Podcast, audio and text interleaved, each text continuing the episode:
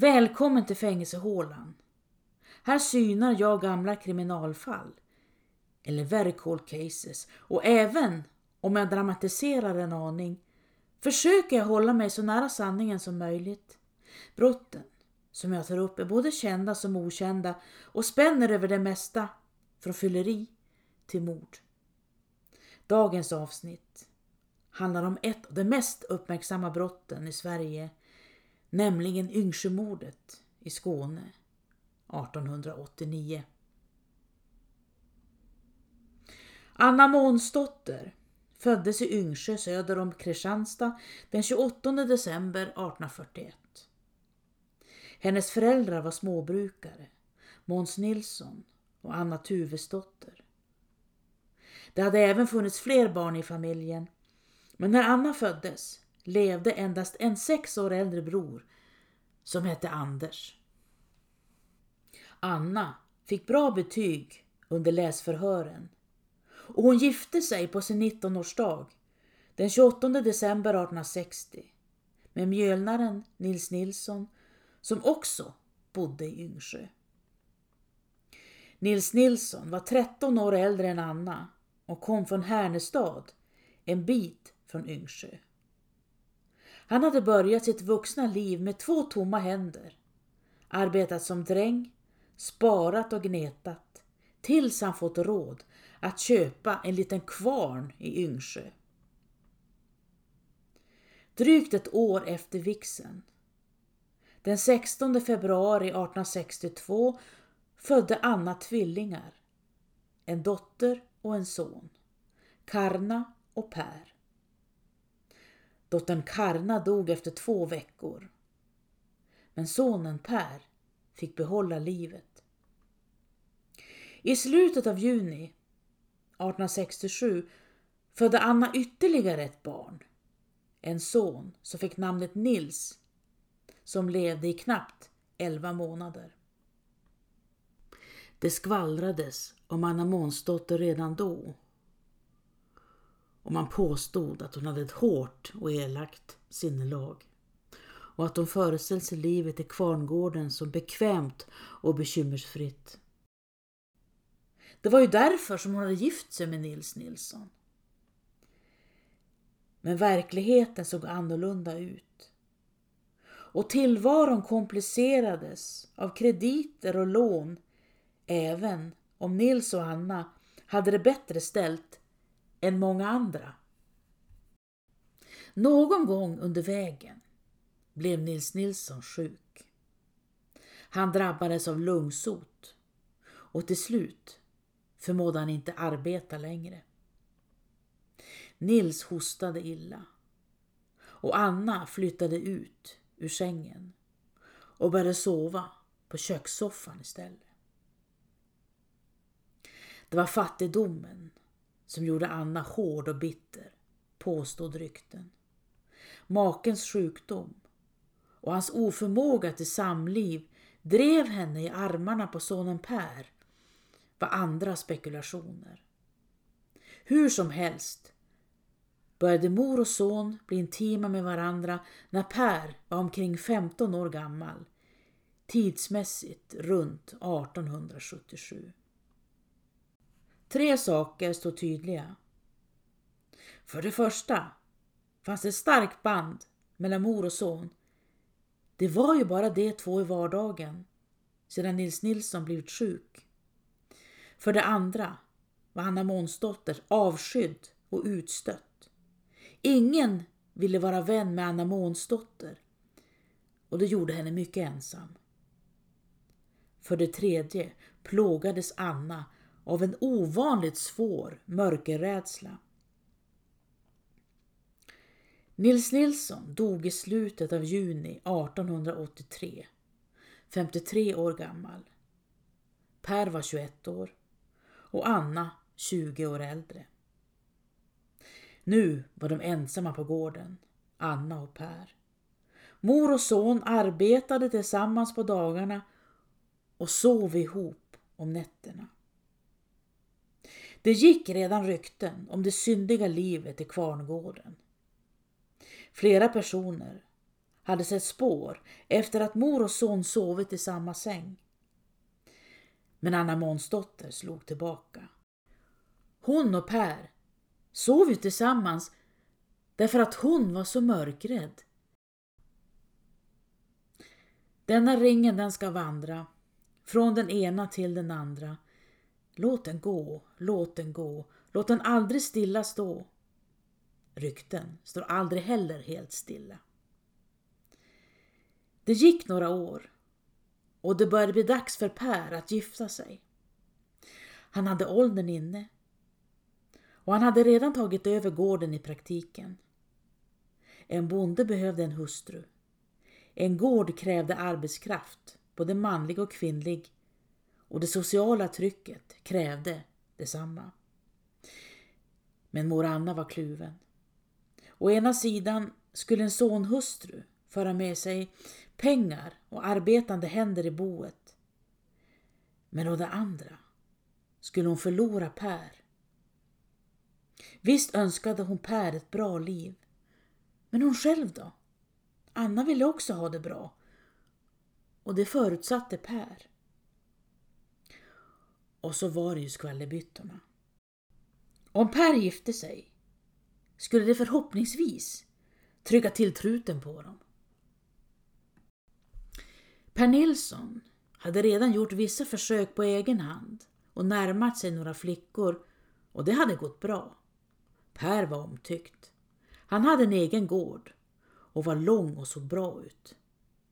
Men så fort han presenterade flickorna för sin mor tog det slut. Per var det inget fel på, det var alla överens om. Men vem ville ha Anna Månsdotter till svärmor?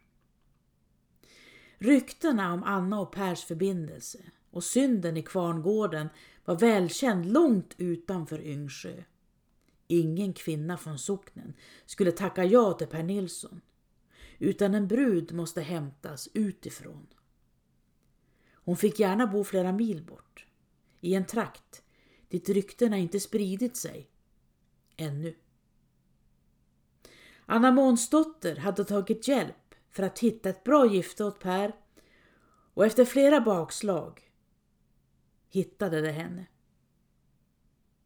Hanna Johansdotter bodde i norra Björstorp i Brösarp församling omkring tre mil söder om Yngsjö. Hanna var dotter till häradsdomaren Johan Olsson och hans hustru Hanna Andersdotter. Hon hade flera syskon, fyra bröder och en äldre syster. De möttes i verkligheten också, Per och Hanna. De skrev brev till varandra. Och Hanna fick en varm och ljus uppfattning om Per. Han verkade vara en bra man tyckte hon, lång och stilig. Och han skrev ju så vackra ord till henne. Dyra Hanna, ömt av hjärtat älskade vän. Jag vill högerligen försäkra att jag ingen kvinna i världen ska älska så högt som dig. Ja, du är min utkårade brud. Du är min, det hoppet talar. Hjärtat drömma blott om dig. Minnets ljuva näktergalar sjunga blott om dig. Så skrev Per till Hanna den 14 juli 1888. Men när Hanna besökte Yngsjö för att se sitt kommande hem överskuggades det varma intryck hon fått av Per av kylan som hon uppfattade från Anna Månsdotter. Hanna började ifrågasätta giftermålet. Hon fick helt enkelt kalla fötter och Per uppfattade hennes tvekan. Den 7 augusti skrev han till henne. Jag vill blott i all enkelhet och i all korthet skriva några rader till dig och fråga varför jag icke fått något svar på det brev jag skrev sist. Jag liksom anar oråd att någon sladdra har kommit i vägen. Jag och min sida bliver med mitt löfte och jag kan inte se annat än att du gör detsamma. Hanna föll till föga och bröllopet, som hölls i hennes föräldrahem i mitten av november pågick i dagarna tre. Anna Månsdotter kom till bröllopet men stannade bara över vixen. Sedan reste hon hem igen. Det var bestämt att Anna skulle flytta hem till sin egen mor, Anna Tuvesdotter, som bodde en halv mil närmare Åhus. Och Anna hade så mycket att stå inför flytten att hon inte hade tid att stanna, ursäktade hon sig med. Vad ingen visste förutom Per och Anna var att Per Nilsson lovat sin mor att aldrig någonsin vara intim med sin hustru. Det var tänkt att Anna Månsdotter skulle flytta ut så fort som möjligt. Men när Per och Hanna återvände till Yngsjö efter bröllopet var hon fortfarande kvar. Anna Månsdotter pratade om Hanna med kluven tunga. Hon skröt om sin sons fina gifte men klagade samtidigt över att Hanna inte krusade henne tillräckligt mycket och att hon inte lagade särskilt god mat. Det dröjde över en månad innan Anna flyttade hem till sin mor. Men det gjorde ingen större skillnad. Anna kom till Yngsjö och steg in hos Hanna och Per som hon behagade. Och i själva verket utsatte både Anna och Per Hanna för svåra trakasserier. Redan första kvällen i Yngsjö hade deras dräng hört hur både Anna och Per slagit Hanna och dagen efter hade Per dyrt och heligt försäkrat Hanna att det som hänt kvällen innan aldrig skulle upprepas. Vid nyår, sex veckor efter vixen, fick Hanna besök av sin bror Per och hans fästmö. När brodern skulle resa hem igen smusslade Hanna till honom ett brev som hon skrivit till sina föräldrar. Jag har kommit i ett farligt elände. Om ni visste hur många tusen tårar jag spilt på detta papper. Jag gråter både dag och natt, så jag tror att jag gråter mig till döds. Hanna var så rädd för sin svärmor att hon nästan dånade vid blotta åsynen av henne. Och Per ställde sig alltid på sin mors sida. Svärmor var ständigt vrång och arg på henne och Hanna förstod inte varför. Hon hade aldrig yppat ett ont ord till henne. De sov avklädda tillsammans, Hanna och Per, i samma säng varje natt, natt efter natt. Men Per rörde henne aldrig. Vid ett tillfälle sa Hanna till honom. Om du ändå ville vara lite öm mot mig. Men då hade Per svarat. Sånt bryr jag mig inte om. Det dröjde inte länge förrän Per och Anna började diskutera att bygga en stuga åt henne på gården i Yngsjö. Anna var ju där nästan dagligen hur som helst. När Hanna fick höra det började hon gråta förtvivlad och Anna Månsdotters bror, Anders Månsson, som just då besökte gården, rådde henne att ta kontakt med sin far och be honom om hjälp. Att försöka förändra Anna Månsdotter var lönlöst enligt honom. Johan Olsson, Hannas far, reste personligen till Yngsjö och förklarade mycket tydligt för Per att några pengar kunde han inte vänta från honom så länge saker och ting var som det var. Han hade fått brev från handlaren i Yngsjö, Hans Hansson, som bestämt avrått honom från att hjälpa Per Nilsson med pengar till en stuga åt hans mor. I så fall skulle Hanna inte få många glada dagar i sitt äktenskap, hade handlaren skrivit. Johan Olsson frågade hur det stod till på gården och Per svarade att hans mor inte hade hela skulden till saker och ting utan att Hanna också var konstig. Hannas oro stegrades. Per körde iväg och blev borta utan att berätta någonting för henne. Och Anna och Per tisslade och tasslade. De stängde in sig i stallet och blängde på Hanna med blickar som gjorde henne livrädd. Och till slut nåddes även Hanna Johansdotter av ryktet och mor och son och det syndiga livet i kvarngården. Om jag vetat det hade jag aldrig gift mig med Per, sa hon. Den 21 mars skrev Hanna till sina föräldrar. Jag får i korthet lämna ett par rader och säga hur det går här uppe. Det är precis samma som förut. Jag har inte kunnat märka den minsta ändring. Hanna var säker på att Per och hans mor planerade någonting styggt mot henne. Och hon ville bara skrika med blotta tanken. Men så hände någonting som fick Hanna att börja hoppas. I sin desperation hade hon tagit hjälp av en klok gumma som behandlat ett av hennes örngott. Nu ska Hanna bädda med det här, hade gumman sagt. Så får vi se sen. Per var på sitt vanliga vresiga humör och på väg ut genom dörren när Hanna sa till honom att hon visste att han hade skulder. Hon hade bett sin far om hjälp och han hade lovat att hjälpa dem. Per vände henne ryggen och gick mot dörren. Men så återvände han till Hanna och utan ett ord kysste han henne.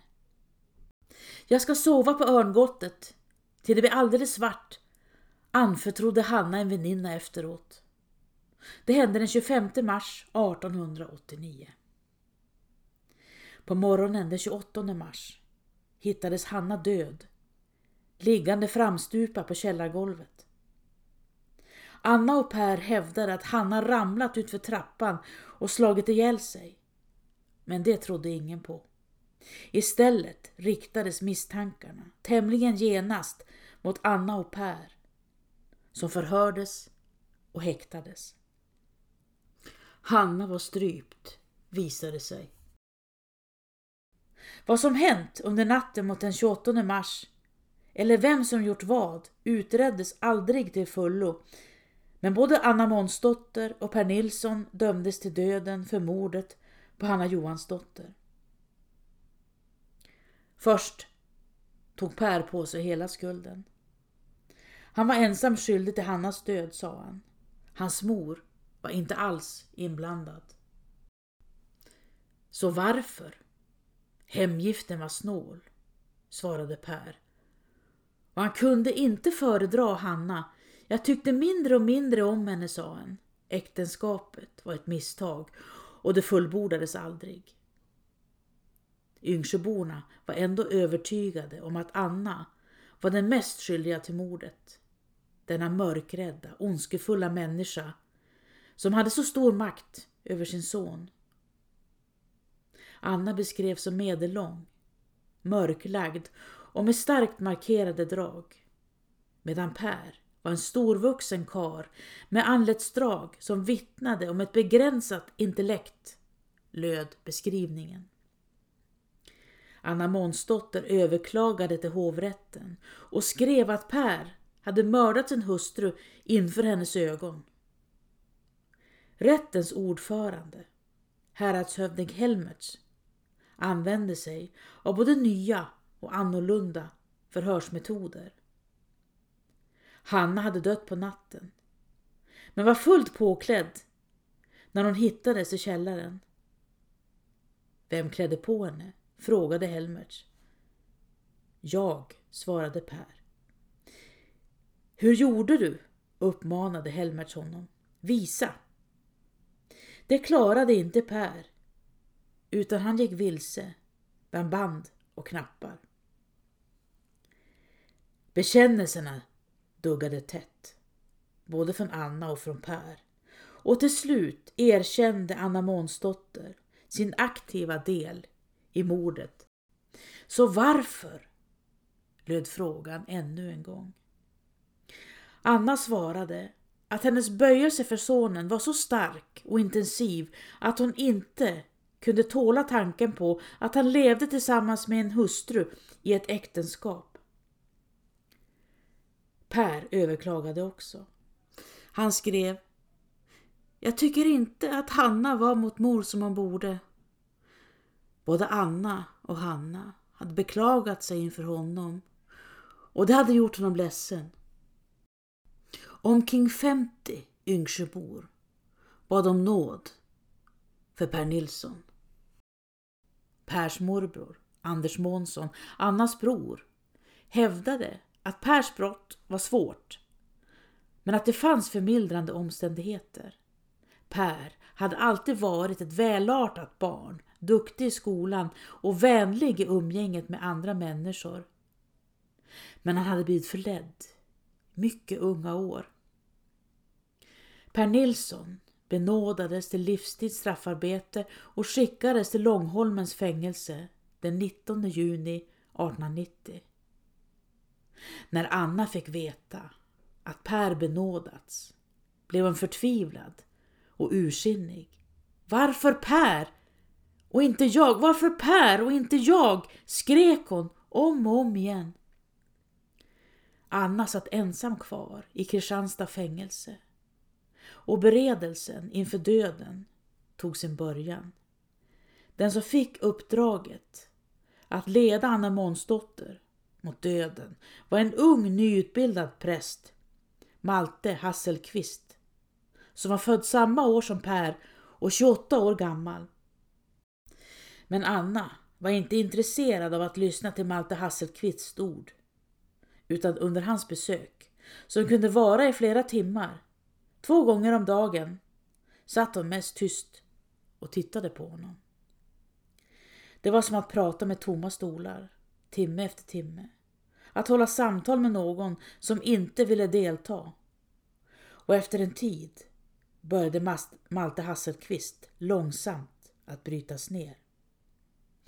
Den 26 juli 1890 skrev han i sina anteckningar